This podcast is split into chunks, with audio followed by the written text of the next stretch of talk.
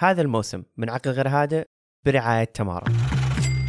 تمارا هي خدمة تساعدك تشتري كل احتياجاتك وتقسم فاتورتها على دفعات بدون فوائد ورسوم خفية. والله العظيم والله والله. اشتري احتياجاتك وقسم فاتورتك على دفعات بس لا تقسم أحلامك. عشان تعرف أكثر عن تمارا وعن التطبيقات والمتاجر اللي توفر خيار الدفع معهم شيك الرابط في وصف الحلقة. بالمناسبة ترى متجرنا تقدرون تدفعون فيه بتمارا بعد. اشتروا اللي تبونه ويضبطونكم بنات الرياض اللي عباياتهم ملونة أكثر من حياتهم. عيال النسيم اللي مولودين داخل كامري 2023 الحجاز اللي عنده صديقات واجد. نورة سارة وزيزي عبد الحليم. اللي تحل مشاكلها بالكافيه مع أمها ياسمين. القسمان اللي فجأة كلهم بادين من الصفر. الحواطة اللي دايم فاهين وياكلون ترنج رايحين جايين. وعيال الشرقية. اللي يرقصون بالاستراحة للفجر بطقومهم النايمة. وطلاب البترول اللي أذكياء دراسة بس ليتهم ينطمون وش خلانا نقول لهم كذا؟ من صنع أول صورة حولهم لين صارت نمطهم اللي نعرف عنهم. ليه نحب نصنف. ليه في صورة نمطية عن جماعة معينة؟ ليه يضحك لما نستخدم الصورة النمطية عن ذا الجماعة المعينة؟ ليش فجأة كل شيء صار عنصرية؟ ليه مخنا مهم يصنع صورة نمطية؟ في هذه الحلقة من عقل غير هادئ بنتكلم عن الصورة النمطية عن الشكل المعين اللي صنع البشر لبعضهم البعض لأسباب نفسية واجتماعية كثيرة عن الظاهر اللي صنعوه الناس لأنفسهم متباهين بصورتهم النمطية عشان يتعالون على غيرهم عن كيف تغير الصورة النمطية نظرتنا للشعوب ونظرة الشعوب لأنفسها. التصنيف فطرة فعل بشري طبيعي يخلينا نعرف نفرق بين الأشياء عشان ندرسها نفهمها أو نعطي رأي وردة فعل تجاهها. من أبسط الأشياء لما صنفنا الحيوانات ما بين مائي وبرمائي جبلي أو ساحلي ونباتاتنا ما بين استوائية أو صحراوية سامة أو صحية التصنيف يخلينا بخير. يسهل علينا العيش ويخلينا نحس أننا مرتبين ونعيش الحياة بدون عشوائية وعبثية. التصنيف بشكل طبيعي يخلينا نصنع لستة مواصفات لكل صنف قسمناه. وهذا علم التصنيف بشكل بديهي. فأي شيء يحقق هذه المواصفات نجمعه مع ربعه. فالخيار حقق مواصفات الخضار. فما يصلح أقول ترى يقدر يكون فواكه أحيانا. والثعبان حققت مواصفات الزواحف. فما يصلح أقول أن تراها تحب تمشي بين فترة وفترة. لأن العلم مو بحيادي. العلم جاف في كثير من الأحيان. همه الوحيد يحقق معاييره وتصنيفاته بدون الأخذ بالاعتبار أي عوامل متغيرة. إلا لو كنت بشري. تركيبة البشر معقدة. وتخلي التصنيف معنا شوي يفلت من اليد لأننا متغيرين على عكس الخيار والثعبان. فلازم نصنف بعضنا بطريقة حذرة وعلمية ودقيقة. مثلا تصنيف جغرافي ديني عرقي قبلي تصنيف مبادئ وقيم توجهات سياسية أو اجتماعية مثلا. فالسؤال هو مع التعقيدات الكبيرة في النفس البشرية. كيف علم النفس وعلم الأعصاب؟ يشوف التصنيف. أولا كل شيء يخص التصنيف ما بين البشر لبعضهم البعض يودينا للصورة النمطية الستيريوتايب. وهذا المصطلح هو اللي بنستخدمه طوال الحلقة. فالصورة النمطية هي إنك تأخذ أكثر العناصر العامة عن مجموعة معينة من صفات، سلوك، مبادئ، قيم، دين وغيره، العناصر الراجحة اللي ظهر فيهم وتخليها هي مرجعك للتعامل معهم أو التعريف فيهم. عملية خلق الصورة النمطية هي آلية من مخك عشان بس يستفيد من المعلومات المجمعة في راسك عن مجموعة معينة. فعل لا إرادي وتلقائي يجمع أهم ثلاث معلومات بكل مرة تشوف فيها إنسان. أولا تصنفه وتحطه تحت إطار معين أيا كان شكل الإطار ديني اجتماعي عرقي يكره الإنمي اللي يحبه يحب الشيلات وغيره. ثانيا تحلل سلوكه. مثلا حطيته في إطار ديني بعدين بتشوف سلوكه. كيف كيف يتكلم هذا الشخص؟ كيف يتعامل مع الناس؟ كيف يتعامل مع نفسه؟ إيش نظرته عني؟ فأنت قاعد تحلل السلوك عشان تبني صورة واضحة بعد ما حطيت له إطار. بعد ما تصنفه وتحطه تحت إطار وبعد ما تحلل سلوكه يجي الثالث والأخير هو إنك قرر كيف تتعامل معه.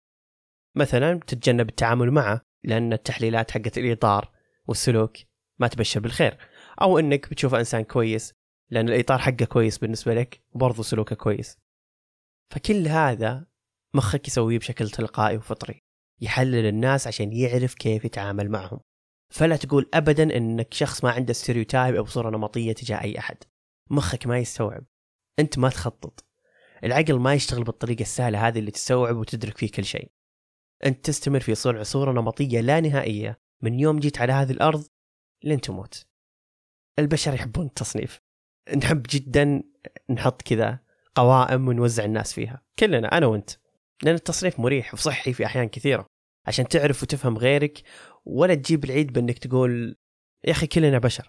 وتعتقد إنك حليت معضلة الكون لما تعامل كل أحد نفس المعاملة بنفس المفردات والمعايير. صح كلنا بشر. بس كلنا مختلفين وما ينفع نجتمع تحت مظلة واحدة لأن تشابه العالم وتوحده بالنسبة لي شوي غباء وما منا رجع. لأن حتى المتشابهين مختلفين في تشابههم. في اختبار بسيط سووه على مجموعة من الناس مختلف الأعمار لاحظوا فيه إن حتى اللي بشكل واعي يقولون إنهم مستحيل يستخدمون الصورة النمطية بالحكم على الاخرين وإنهم يحاولون يكونون عادلين دائما في حكمهم كانت الصورة النمطية مأثرة عليهم بالاختبار بدون يحسون. وهذا اللي سموه التحيز المعرفي. وهو لما يكون داخلك تحيز بدون تشعر لما تتخذ قرارات معينة. ففي عمقك تكرر أنك شخص مستحيل يحكم على أحد لكن الحكم يظهر بالسطح في لحظات كثيرة حتى لو حاولت تخفيه. وهذا لا يعني إنها عنصرية. راح نفرق بعدين في الحلقة بين الصورة النمطية والعنصرية. طيب السؤال هو دامني أنا شخص واعي وعارف إنه غلط أحكم على الاخرين وما ينفع أحكم عليهم بناء على الصورة النمطية حقتهم ليش مخي يستمر يحكم عليهم بدون أحس؟ الجواب ببساطة لأن مخنا هو أداة تنبؤ. تتعبى معلومات وما يقدر أثناء الضغط يطلع دائما الخيار الأخلاقي وما يقدر يتعامل مع التجارب كأنها أول مرة تصير. لأن المخ يترجم كل شيء على أساس تقليل نسبة الخطأ بقراراتك. مو بشرط إنك توصلها ل 100% بس إنه يحاول إنه يقلل نسبة الخطأ. فراح يترجم ردة فعلك تجاه الأشخاص حسب وش المعلومات اللي تحملها في عقلك عنهم. وطبعا مو كل المعلومات اللي تحملها عن الناس صحيحة أو حتى داخلك ممكن يعرف أنها غلط لكن تحت الضغط ممكن تأثر عليك. لأن الصورة النمطية تتكون داخلنا من كل المعطيات اللي تعرضنا لها في ثقافتنا. لما نقول ثقافة لا يعني بالضرورة مجتمعنا الصغير لأن عملية تغذية عقولنا بالمعلومات حول مجموعة معينة من الناس تتعدى مرحلة بيت وأهل ومدرسة وغيره عقولنا مليانة معلومات عن كل جنس بشري من كل زاوية نروح لها. أفلام إعلانات الكتب مواقع التواصل الأخبار وغيره كثير اللي بزيادة يخلينا نعرف كل أحد حتى لو يبعد عننا آلاف الكيلوات. وهذا مو بجانب محبط من القصة بالعكس. ممكن في أحيان كثيرة يكون ميزة كبيرة تخلينا قادرين على فهم الآخرين بسرعة وقدرة أن نأكد صحة الصورة النمطية بشكل شبه مباشر. لكن الصدق. هل إننا جالسين نتأكد من صحة المعلومات اللي تجينا عن شخص أو جماعة معينة؟ بعض الدول تدفع اللي وراها واللي قدامها عشان تصلح نظرتك عنها سواء كانوا صدق جيدين ويبون يثبتون نفسهم أو سيئين ويبون يغطون على سوءهم تدفع دول ثانية ملايين عشان تشوه سمعة غيرها بخلق صورة نمطية مستمرة تقودنا إحنا وتقود العالم لإعطاء ردة فعل تجاههم الصورة النمطية تجارة رابحة جدا جدا جدا. أمريكا تدفع على قطاع الترفيه من أفلام ومسلسلات وغيره أكثر من أي قطاع ثاني في الدولة لأن المكان اللي يعلمنا مين هم كدولة. كوريا بالموسيقى اليابان بالتقنية والعلم وغيرهم من الدول اللي راس مالهم هو صورتهم النمطية اللي يبيعونها للغير. ويحاولون دائما تأكيدها عشان ما يخسرون نظرة العالم الإيجابية لهم ولا راح يخسرون قوتهم. لأن القوة الناعمة ما هي إلا حرب صور نمطية يرمون فيها الدول بعضهم البعض عشان يثبتون أجندتهم. وبالنسبة لي الدول اللي فهمت أثر الصورة النمطية النفسي على الفرد هي اللي الآن تقود العالم. لأننا في عصر تعتبر الدولة اللي تكتف يدها وتقول بكيفهم خليهم يسوون اللي يبغون أن نعرف نفسنا كفاية وما حد مهتم لو كل أحد فهمنا غلط هي الدولة المتأخرة. هي الدولة الكسولة في محاولة إظهار حقيقة وصحة شكلها للعالم لأن مو بدايم الاكتفاء بالذات قوة ولا دايم محاولة تصحيح صورتك ونظرة الناس لك ضعف. وهذا اللي نشوفه الفترة الأخيرة في السعودية. كنا متكتفين ومتكتلين حول نفسنا ولا قاعدين نحاول نصحح الصورة النمطية عننا كدولة وشعب. والمردود طبعا كان سيء جدا علينا لأننا حطينا نفسنا في برج عاجي خلانا نخسر حتى تقبل الدول الثانية لنا. أعيد تصحيح نظرتك للناس مو بضعف بالعكس إثبات قوة وتهكم على كل أحد قد مسك بسوء في يوم وصنع لك شكل معين عشان ينفر الناس منك وقتها يطلع شكله بايخ والناس يعرفون الحقيقة ليه ارتفعت نسبة السياحة عندنا؟ ليه ما يمر يوم في الرياض بدون ما أشوف أجانب أو لوحات سيارات عمانية وقطرية وكل دول الخليج؟ ليه كل أحد برا يتكلم عن اليوم؟ ليه العلا؟ ليه The Line؟ الابتعاث؟ استضافة المحافل العالمية؟ ليه مهرجان البحر الأحمر السينمائي؟ ليه مهرجان أفلام السعودية؟ ليه معارض الكتب الدولية بالرياض وجدة والشرقية؟ الجواب هو أن كل هذا إثبات للكل ومحاولة استثمار كبيرة بتصحيح الصورة النمطية عننا كسعوديين للعالم مو بس بالكلام بالأفعال والإنجازات بدل التعالي وعزل نفسنا عن العالمين بحجة أن أهم شيء أننا نعرف أننا ناس كويسين لأن هذا الشكل الصحي لتغيير الصورة النمطية أنك تفعل مو بس تقنعهم بالكلام وتستنجد. تشابه العالم متوحدة مو بشيء صحي لنا ورغم أني من مناصرين التصنيف لكن مثل ما قلت يخلي الوضع أحيانا يهج مننا لما ندمنه لما نبي كل شيء بالحياة يتقسم. ليه لا إراديا نبدأ نروح في اتجاه يخلينا نتساءل دقيقة هل أنا جالس أصنف البشر عشان أحاول أفهمهم ولا عشان أتأكد أني ما أبي أفهمهم؟ كل عنصرية هي صورة نمطية. بس مو بكل صورة نمطية عنصرية. لأن العنصرية هي استخدام الصورة النمطية بطريقة سيئة بدل تكون لفهم الآخر. مثلا الصورة النمطية للسعوديين أنهم شعب متحفظ عنده مبادئ وقيم متمسك فيها. الصورة النمطية هذه معزولة لحالها. مو بسيئة على العكس بالعكس تعطيك صورة أن هذا الشعب مو بشعب هلامي يغير مبادئ على الرايح والجاي. لكن أخذ هذه الصورة النمطية كردة فعل أنك خايف منهم. وأنهم راح يكونون ضارين لك لأنهم متمسكين بمبادئهم. هذه عنصرية سواء للسعودية أو غيره فهمت الفرق؟ قيسوها على أي صورة نمطية بمخكم عن شعب أو مجموعة معينة. لا تحاسب نفسك أبدا أن عندك صورة نمطية عن شخص. بس انقد على عمرك لو صورتك النمطية تقودك لردة فعل سيئة تجاهه ولما نقول ردة فعل يعني أي شيء يأثر على طريقة تعاملك معه. عشان كذا أنزعج مرة من اللي يصنفون كل صورة نمطية لعنصرية ومرة أنزعج أن قديش البشر صاروا حساسين مرة ولا يبون أي أحد يحطهم تصنيف رغم أنها فطرة. الطبيعي أصلا أن يكون عندك صورة نمطية لكل شيء عشان تقدر تعيش. مع الحذر أن مو من البديهي أن كل أحد تنطبق عليه هذه الأشياء بس أنها تنطبق على الأغلبية لأن الاستثناءات تؤكد القواعد في أحيان كثير فيعني مجرد ما يطلع أحد ما يشبههم لا يعني أن في شيء غلط. لا هو مختلف بس مو غلط. فلما أقول لك مثلا الحواطة يحبون الترنج والدواسر يحبون الطرب ما تجي تسوي نفسك تحجر وتقول طيب أنا حوطي بس ما آكل ترنج أو تسوي تحجر وتقول عمي مطوع دوسري ولا يحب الأغاني. الصورة النمطية مو بكتيب إعدادات المصنع. الصورة النمطية هي حال الأغلبية. مو مطلوب من كل حوطي ودوسري يكونون كذا بس هذا شكل الحوطي والدوسري في الأغلب. فالصورة النمطية هذه صحيحة.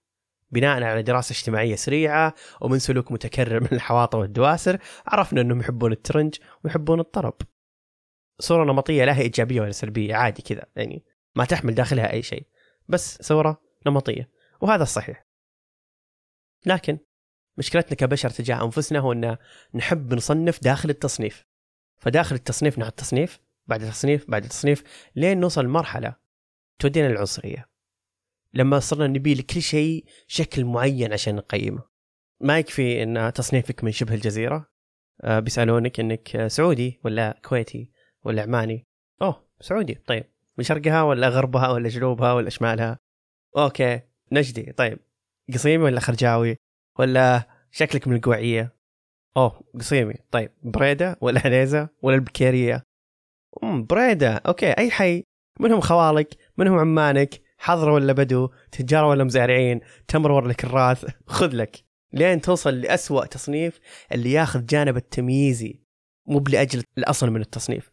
هو مو قاعد يسألك لين يروح النقطة اللي بعدين بيسألك غرفتكم أربعة في أربعة ولا لا. هو يبي يصنفك يبي يبي يميزك يبي يشوف أنت مين عشان يحاول يحكم عليك. مو عشان يفهمك. فالصورة النمطية تساعدنا كثير لفهم الآخرين لكن بالمقابل تساعدنا كثير نأذي الآخرين. أدري ضحكتوا أو ابتسمتوا على أمثلتي في الحلقة من أولها للحين لأن الصدق صورة نمطية تضحك. فيها جانب ساركاستك يخلي الحياة ممتعة. إذا ما تعدت حدودها زاوية الضحك. بس مشكلتنا دائما تهج معنا لدرجة أن يعني نكتنا تصير شوية جارحة. فنكتتك عن بنات الرياض بتخليك ممكن في يوم من الأيام تتعرض لهم لأن عندك الصورة النمطية حقتهم. واستحبالك على الحجازي إنه يحل مشاكله مع أهله في الكافيه بتخليك ممكن تستحقره في يوم من الأيام. ونقدك لطلاب البترول. طبيعي ما عليك خذ راحتك هم هم كذا أصلا. أمزح أمزح. طيب. ف يعني كثير من الأحيان إن نخلق الصورة النمطية عشان نحمي مبادئنا الخاصة لما نصادف أحد ما يشبهنا. تتعارض صورته مع صورتنا. جربت البعثة إلى مدة تسع سنوات تقريبا. هذه شجون. جربت كانت مبتعثة لمدة تسع سنين في أحد الدول.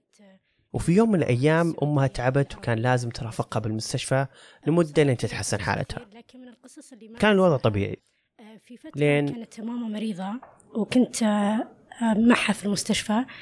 فجتني دكتورة وسألتني سؤال أنها كانت تشوفني طول هذيك الفترة مع أمي في المستشفى وأنام على كرسي آه، أنه هل أنا مجبرة أو أني مغصوبة أكون هنا؟ بما أن نظرتهم غالبا أن المرأة ما لها قرار هناك. فمرة انصدمت من السؤال وحكيت أنه طبعا لا وأن هذا أقل شيء ممكن أقدمه لأمي اللي تعبت معي طول سنوات حياتها. وذكرتها بجانب إنه إحنا كمسلمين ما نشوف ربنا ولكن من إحدى الطرق اللي نعرف إن ربنا راضي علينا هو رضا الوالدين فهذا أقل ما أقدمه. فضحكت ضحكة آه، زي الخجل إنه هي لما أمها أصيبت بالكانسر كانت فقط تنزل أمها في المستشفى وتحس إنها سوت اللي عليها وأكثر آه، بينما هي الان تحس انها ما سوت ولا شيء يعني. صورة نمطية بسيطة ممكن يكون نتاجها مقال صحفي أو تغريدة من غريب خلت كل مسلمة في الغربة ممكن أنها تكون مغصوبة على اللي تسويه وتحتاج مساعدة. رغم أنه فعل طبيعي جدا بالسعودية لما أحد يرافق أحد ينوم في الأرض أو الكرسي. بس كان هناك شكله غريب لما يكون الفعل مرتبط بأنثى مسلمة في بلاد أجنبية. ولا نلوم الدكتورة بشكل تام. نلوم اللي ساعد الصورة النمطية. تتكون في ذهنها. وجهي يبين إني أصغر من عمري. ف من الجانب الآخر وبعيد عن الصورة النمطية الدينية اللي نشوفها بكل مكان هلا. خريجة الدعاية والإعلان اللي خبرتها تجاوزت الست سنين في مجالها. تعيش صورة نمطية مختلفة تخلي الشغل مهمة صعبة بالنسبة لها. فحرفيا كل ما أروح مكان سواء عمل شيء جدي أو شيء آه، ما ما ياخذوني بجدية لأن أبين البزره اللي قاعدة تتفلسف. آه، بينما ما أتفلسف في شيء أنا ما أعرفه صراحة. و plus أنا عندي experience تخليني أتكلم عن الشيء اللي أنا قاعد أتكلم عنه. فدايم ما ينظرون لعدد السنوات العمل اللي أنا كانت أعمل فيها بس ينظرون على شكلي البزر اللي توها متخرجة وجايه تتفلسف فوجهي أكبر شيء يعني كان يعطيني الصورة النمطية اللي تصير. المظهر واحد من أوائل الأمور اللي تبني صورة نمطية عن الشخص قدامك. قبل يتكلم قبل يتنفس حتى. شكله هو أول شيء تشوفه وتقرر لا إراديا وش نظرتك عنه. وهلا كان صعب عليها تثبت جدارتها رغم خبرتها الطويلة. بس عشان الكل يشعر من مظهرها أنها الصغيرة اللي تسوي نفسها فاهمة قدام ناس أكبر منها. مع أنهم مو بالضرورة أكبر منها. لا عمرا ولا خبرة. فاصل قصير نسولف فيه عن تمارا. طيب تمارا عندهم شيء عظيم اسمه فرح. فرح هو برنامج داخل تطبيق تمارا في عروض وأكواد خصم من أشهر الماركات المحلية والعالمية. اللي جاهزين يفرحونك. وفي رمضان مسوين فوازير بعد. كل يوم لك فرصة تفوز بألف ريال من فرح في تطبيق تمارا. شيك التطبيق كل يوم جاوب على الأسئلة وبس. بكذا تكون دخلت السحب على ألف ريال من فرح. طيب كيف استفيد من عروض وهدايا فرح؟ بسيطة. حمل تطبيق تمارا من الرابط في وصف الحلقة بتلقى قدامك خانة فرح. شوف المتجر اللي تبيه واحجز فرحتك قبل تروح عليك لأنها مرتبطة بوقت محدد.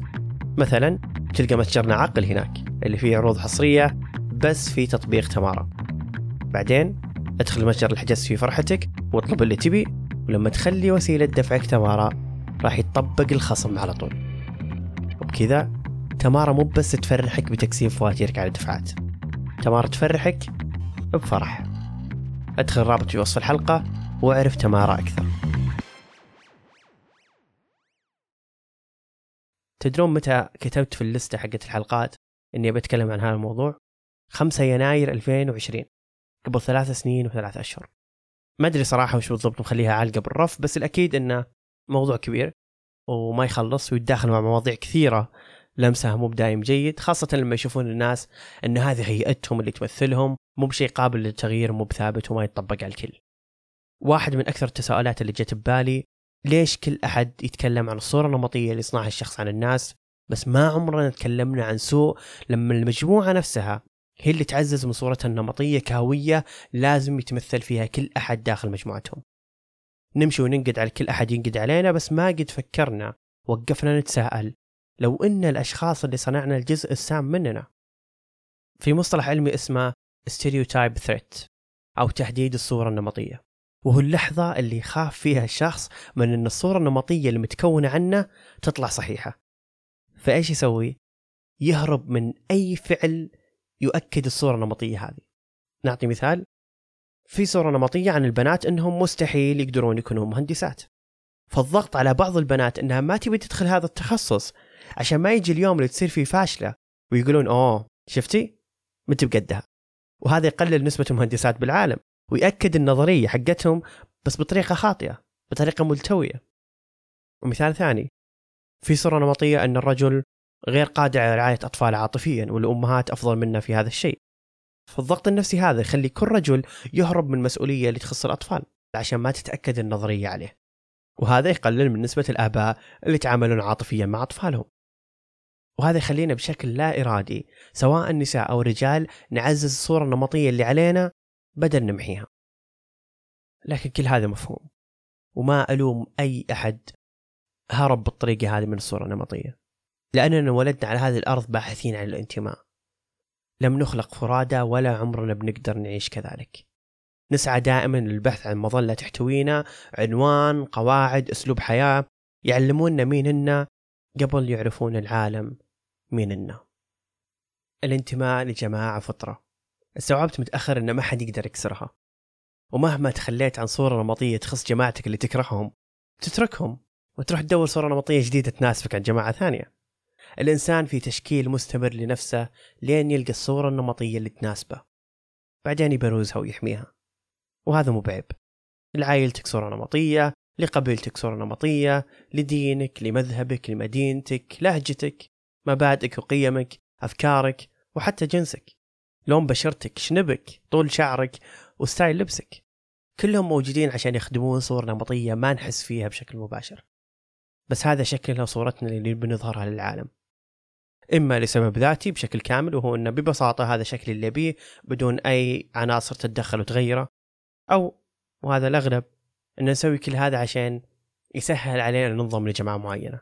لأن مثل ما قلنا الانتماء فطرة فنسوي أشياء عشان بس نتقبل من المجموعة اللي إحنا فيها. لأن الضياع مقلق والجماعة تحله. فمو بكل صورة نمطية بالضرورة جت من غيرنا. ممكن جت مننا وعززناها لأن شكلها نسبيا وظاهريا كول ومو بشيء سيء بالضرورة. والأمثلة واجد. الصورة النمطية المرتبطة بالمصريين كشعب يحب العلم خلت في ضغط كبير على الطلاب المصريين داخل مصر وخارجها أنهم يثبتون ذا الصورة النمطية. لأن مجتمعهم الخاص عززها وخلاها شخصية المصري. متأكد كل سنة تطلع أخبار عن طلاب الثانوي في مصر. فصار في عبء كبير عليهم ويلاحقهم إذا ما حققوا الصورة النمطية هذه. كأن بتقل نسبة إنه مصري أو مصرية لو ما جابوا نسبة عالية في الثانوي. السمين اللي عليه صورة نمطية لازم يكون فلة. لين صاروا السمان نفسهم يحسون إنهم لازم يكونوا وسعين صدر دايم. ولو سووا تكميم خفة الدم بتروح مع الدهون فجأة. ارتبطت حالتهم الصحية بشخصيتهم فصار في ضغط كبير عليهم عشان يحققون شخصيتهم اللي بيها المجتمع أو حتى أنفسهم لأن من ما يبي الناس تشوفها وسيع صدر. فأحيانا مو مشكلتنا أن الصورة النمطية علينا سيئة لأن عادي ببساطة أقدر أغير سلوكي وأثبت للناس أن نظرتهم غلط. لكن المشكلة الكبرى لما تكون الصورة النمطية حلوة لطيفة صفة جميلة ودك تكون فيك بس ما قدرت توصل لها. فتحس نفسك للآن منت بالشخص اللي ضمن جماعتك. منت بمصري كفاية منت بسمين وصيع صدر كفاية منت بمسلم كفاية منت بدوي كفاية منت بمتحضر كفاية منت بولد كفاية ومنت ببنت كفاية. وأنا أسمع القصتين اللي انقالت من شجون وهلا في معرض بديهيات اللي خلينا فيه مساحة آه، الناس تشارك آه، في الحلقة هذه. من يومها أنا أتساءل مين ألوم؟ ألوم الدكتورة ولا اللي وصل لها المعلومة؟ ألوم زملائها ولا السيستم اللي طول على بال ما يمكن المرأة؟ وأحس رغم أنها قصتين من ملايين القصص والتجارب اللي شفناها وعشناها بسبب الصورة النمطية إلا أننا ببعض الأمور لازم ما ننسى أن هذا شكل الإسلام اللي تعرضت له الدكتورة وغيرها من الشعوب لمدة طويلة. فقدرتنا على تغييره تتطلب جهد ووقت طويل جدا نعرض فيه الصورة النمطية الصحيحة للإسلام. ونصبر. وحتى في قصة هلا اللي أعتقد أن العمر مو هو الحالة اللي حدد تعاملهم معها. لكن بعد لأنها البنت مو بالولد. لأن الصورة النمطية أن البنت إذا وصلت لمنصب عالي غالبا ما تكون بخبرة كافية. وهذا اللي يخلينا نصارخ بصوت عالي للمساواة وإعطاء كل جنس حقه. لكن أثناء مرحلة نشر الوعي العظيم هذا والجيد جدا لا ننسى ما نسيء فهم وظيفة عقلنا اللاواعي. الطبيعية في استخدام اللي بيده من معلومات غرق فيها سنين وبنى عليها تصور ورأي وأسلوب حياة حتى لو غلط. فيحتاج مدة على بال يعالج ويصحح المعلومات السابقة المغلوطة ويستبدلها بالجيد منها. لا نوقف أبدا نطالب بالتغيير بس لازم نصبر عليه بنفس الوقت. لأن تغيير الظاهر سهل مرة سهل تغير ظاهر المجتمع. بس اللاوعي هو أخطر شيء لازم نغيره. عشان كذا في ردة فعل بتوظيف المسلمين والعرب في مناصب عليا في أوروبا وأمريكا. هذا قرار العقل الظاهر. بس في نفس الوقت ما حد قاعد يعاملهم بشكل جيد يأخذهم بجدية. هذا تعامل العقل اللاواعي. فالظاهر تغير بس للحين جواهم في عدم تقدير. وعشان كذا كل الشركات الآن تمكن المرأة بالسعودية. هذا قرار العقل الظاهر. بس باقي وقت طويل على بال يقتنع مديرها إن هذا مكانها اللي تستاهله مو بمكانها اللي تعبيه. لأن له أكثر من 30 سنة في منصبة وعقل اللاواعي علمه انه مستحيل تجي أنثى تقايشي على منصبة. فنحتاج والله مر مرة وقت طويل عشان الواحد يتعود عشان تصير الصورة النمطية حقتها هي أن المرأة لها مكان وهي أن المسلمة لها مكان وهي أن العرب لهم مكان في أي بقعة جغرافية. أتمنى الحلقة ساعدتكم تفهمون نفسكم والغير. وأتمنى خلتكم في أرض حيادية تساعدكم تتخذون قرار تجاه الصورة النمطية اللي تخلينا بدون نحس منحازين لكفة معينة. أكرر الصورة النمطية مهمة وصحية لو كانت بشكلها الطبيعي السادة بدون استخدامها كسلاح نوجهه للغير عشان نعرض عيوبهم. وعادي تضحك على صورة نمطية وتصنع منها نكتة. مو بكل شيء عنصرية يعني تكفى خلنا ننبسط. المصريين يقولون لنا كبسة ونرد عليهم طعمية ونضحك ونمشي عادي. لأن المشكلة مو بالكبسة والطعمية. المشكلة بليش قلتها. لأن سهل تشكل برواز. بس بتحط فيه أي صورة. وبس. أخيرا أنا مقصر جدا بالتذكير بمشاركة الحلقة وتقييم البودكاست والمنصات. لكن يعني لنا جدا أنكم تشاركون الحلقة لمعارفكم اللي تحسون الموضوع بيكون مثير للاهتمام بالنسبة لهم. يعني خذوا يلا خذوا خمس ثواني فكروا مين الشخص الواحد. مو أكثر من واحد عادي ارسلوها لشخص واحد. مين أكثر واحد جاب بالكم؟ ممكن هذه الحلقة تعجبه.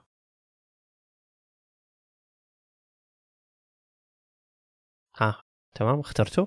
طيب ولا تنسون تقيموا البودكاست في ابل بودكاست أو أي منصة تسمعون لنا منها. هذا بيساعدنا جدا جدا جدا أن ننمي البودكاست بشكل سريع يخلينا نوصل أفكارنا وعقلنا اللي يشبهونكم ويشبهونا بالمناسبة رمضان كريم باقي أسبوع فنشوفكم في الحلقة الجاية إن شاء الله. أنا مبارك. تمارا هي خدمة تساعدك تشتري كل احتياجاتك وتقسم فاتورتها على دفعات بدون فوائد ورسوم خفية. والله العظيم. والله والله. اشتر احتياجاتك وقسم فاتورتك على دفعات بس لا تقسم أحلامك.